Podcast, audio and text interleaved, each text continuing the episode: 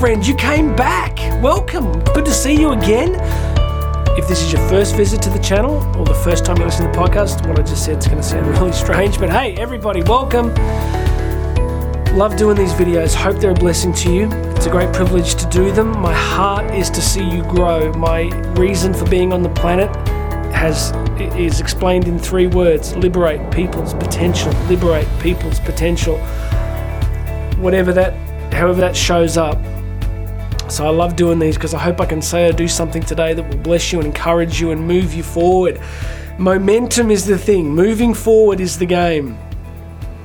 Moving forward in love for the people that you're closest to, moving forward in blessing the world with your gifts and talents, moving forward with your knowledge, insight, spirituality, health. You know, we just want to be moving forward. I want to see you moving forward. Uh, do that first by subscribing to the channel or subscribing to the podcast if you're on the podcast version today. Please subscribe. Uh, please leave a comment. And uh, I want you to go grab a free copy of my book, Bridging the Gap. There's a link here in the description. Hit that link. I'm going to get you a free copy of the book. Today is a really beautiful quote. So if you're new to the channel, what do I do? I um, I pray and I ask for insight to share with you great quotes and insights from some of the most beautiful, intelligent, wise, wonderful men and women in history. And then we riff on them for a little bit. I give you some things to think about. And that's what we do here on this humble little channel, little podcast thing that we do. Because, um, I just can't go through a day without trying to do something to bless people. So here it is. Let's do this quote. It's really special. I love it. You're going to love it too. Ours is not the task of fixing the entire world all at once, but of stretching out to mend the part of the world that is within our reach. Any small, calm thing that one soul can do to help another soul, to assist some portion of this poor, suffering world, will help immensely. It is not given to us to know which acts or by whom will cause the critical mass to tip toward an enduring good. Yes, yes, yes, yes, yes. This is good. I like this one. We have been tricked, friends. We have been maliciously, diabolically tricked into this dent in the universe modality, right? So, Steve Jobs famously said that his goal was to put a dent in the universe you know, go and read his biography. Look, the guy's brilliant, but uh, there's more than a few rough edges there. I would call it hubris. I don't think we're born to put a dent in the universe. I think the universe was just fine before we got here, and it's going to be just fine after each of us leave. But um, not that we don't do important things. Yeah, I get it. Look, Steve wanted to go big and do big stuff, and he did. But I think the problem with some of our current cultural thinking is that what matters is what's big if it's got red carpet, if it's global, if it's got 100,000 followers, then it's deserving of attention or it's important. But what about small things? What about tiny hidden things that shift the smallest realities for people? It's such a beautiful quote today because she's reminding us that that it is the smallest things that we do that are really just as important as the big things we do. We cannot know when the smallest action of calmness or kindness or sensitivity to somebody else can have a profound impact. So, I remember a couple of years ago, I was at an event and speaking to a bunch of people, and when there was a break, and this young woman came to speak to me. I think I was in Philadelphia, and she starts speaking to me, and out of the blue, she starts sharing a, a, really difficult issue that she's going with, going through, and it had been going on for not very long, and it was very hard for very traumatic, and she hadn't spoken to anybody else, and she just starts crying, and we had this amazing conversation. Now, on that day, I spoke to three thousand people, and on that speaking tour, I would have spoken to gosh knows how many on that trip.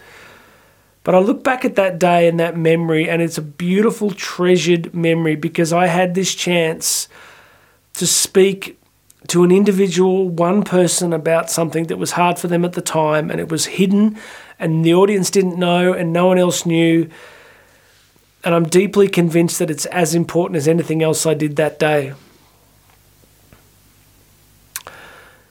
Doing really small things. Give you some examples when I drop one of my kids off to school, the traffic around their school is nuts. It's just there's there's two schools there and there's stuff going everywhere, and there's always buses trying to get across this intersection. And I just every single day, I just stop and I hold up traffic and I let the buses through because well because I just want to bless. Because I'm thinking of the bus driver. I'm thinking it must be hard. No one's going to stop for you. It's hard to get across. So yeah, I get it. So I know what some of you are thinking. You're thinking, well, what about all the people behind you? You're driving crazy. Yeah, good point.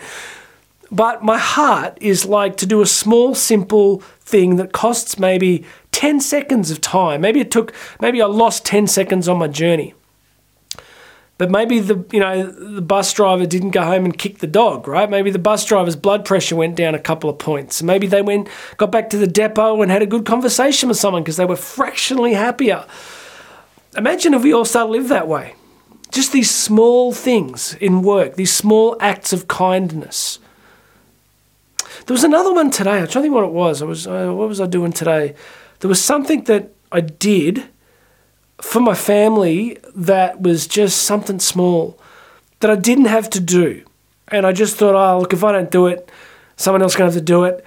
This is not big stuff. Like if, you, if you're waiting for this great big, you know, side of the mountain moment where Jonathan reveals some great, great cosmic consciousness. No, it's this small stuff.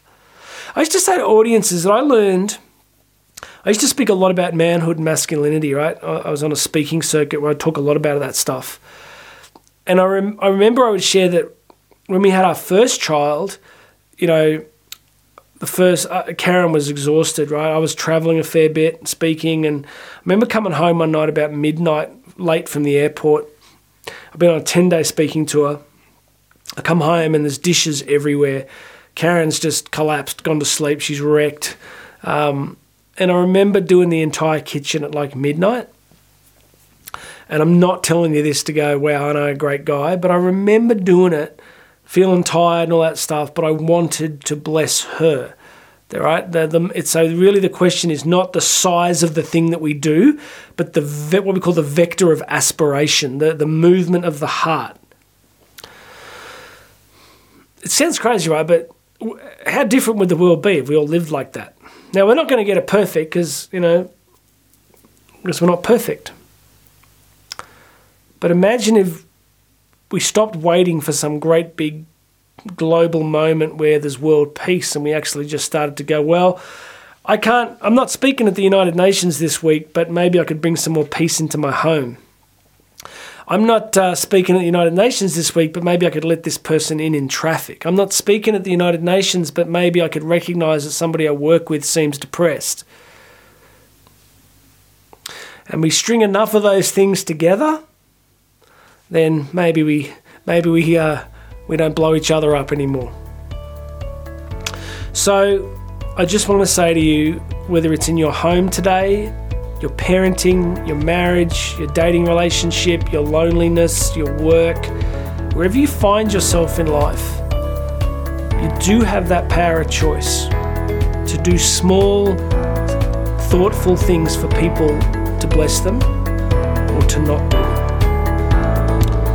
And I think if we start stringing those together, we'll see things a little bit different. All right, please make sure you're subscribed grab yourself free access to my book, Bridging the Gap. Leave some comments. Make sure you've subscribed. Just said that a minute ago. God bless you. Thank you for tuning in. My name's Jonathan Doyle. This has been the Daily Message, and you and I are going to talk again tomorrow.